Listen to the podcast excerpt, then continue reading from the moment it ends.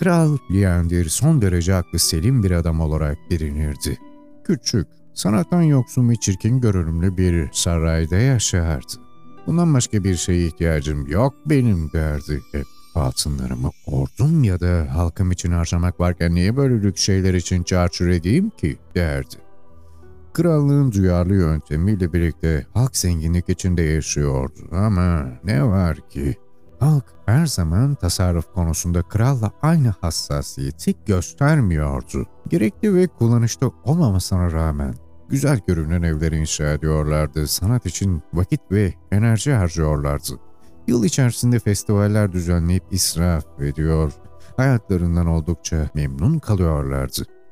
Kral Leandir, halkının tutumlu ve duyarlı olmadığını görünce hayal kırıklığına uğradı. Ümitsizce yıllarca ne yapacağını düşünen kral, sonunda halkının vakitlerini boş işlerde harcamadıkları takdirde ne kadar çok kazanabileceklerini idrak edemediklerine karar verdi. Herhalde tasarrufun nasıl yapılacağını, onları daha iyi göstermem gerekiyor diye düşündü. Kral yeni binaların abartılı, dekorasyonlu ve gerçeğinden daha geniş yapılmalarını yasakladı. Bu karar halkın hoşuna gitmedi ama krallarını seviyorlardı ve kanunlara saygı duyuyorlardı. Birkaç yıl sonra artık binaların çoğu gösterişli ve abartılı değil. Basit ve sade yapıdaydı.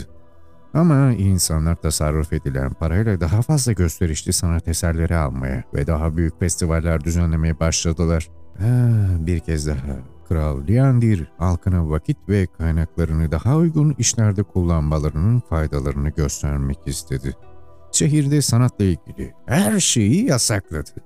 Bu yeni karar insanları bir hayli rahatsız etti ama krallarının her zaman onların iyiliğini istediğini biliyorlardı. Ama insanoğlunun arzuları doğası gereği bu kadar kolay kısıtlanamazdı.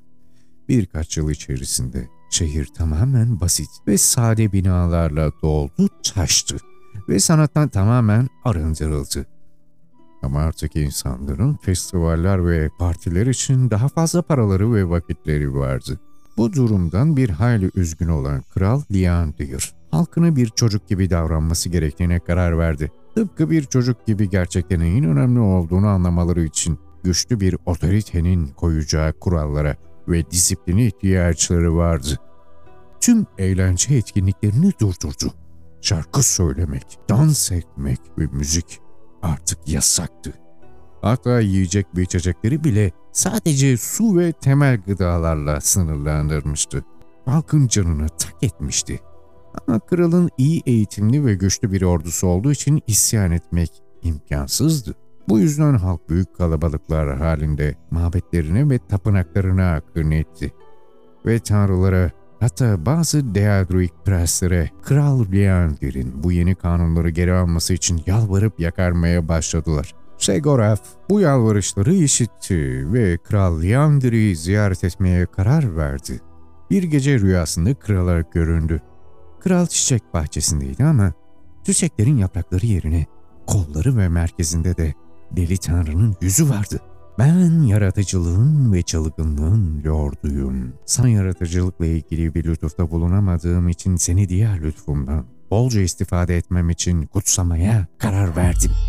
O günden sonra şehirde doğan her çocuk delirilmiş olarak doğdu. Bebekler zihinsel hastalıkları belli etmedikleri için bu durum yıllar sonra ortaya çıktı. Kralın öz oğlu da şizofreni krizleri ve paranoyadan müzdaripti. Buna rağmen Kral Leander kararından bir türlü vazgeçmedi. Oğlu Glint 12 yaşındayken bir gece babasını yatakta uyurken bıçakladı. Son nefesini verirken Kral Leander sordu. Ne der? Oğlu cevapladı. Tasarruf yapıyorum babacığım. Yeni genç kral tahta çıkar çıkmaz bütün hizmetçilerin öldürülmesini emretti. Tahta çıkışını kutlamak için büyük bir şölen düzenledi. Öldürülen saray hizmetçilerinin etlerinden güveç yapıp halka ikram etti. Şehrin doğuya bakan duvarlarının tamamen kırmızı renkte ve batıya bakan duvarlarının çizgili olarak boyanmasını ve herkesin başının arkasına süslü maskeler takmasını emretti. Daha sonra da sarayı ateşe verip yenisini yaptırdı. Yeni sarayda orman yaratıklarının saldırmasına korktuğu için yatak odasında kapı olsun istemedi. Güneşin ve ayın onu kıskanıp sinsice öldüreceğinden korktuğu için de cam koydurmadı. Böylece Kral Rüyandir'in dönemi sona ermiş oldu. Şehir halkı sanat işlerinde ve kutlamalar düzenlemeye tekrar başladı. Sanki kralları o kapalı odada hala yaşıyormuş gibi hayatlarını sürdürdüler.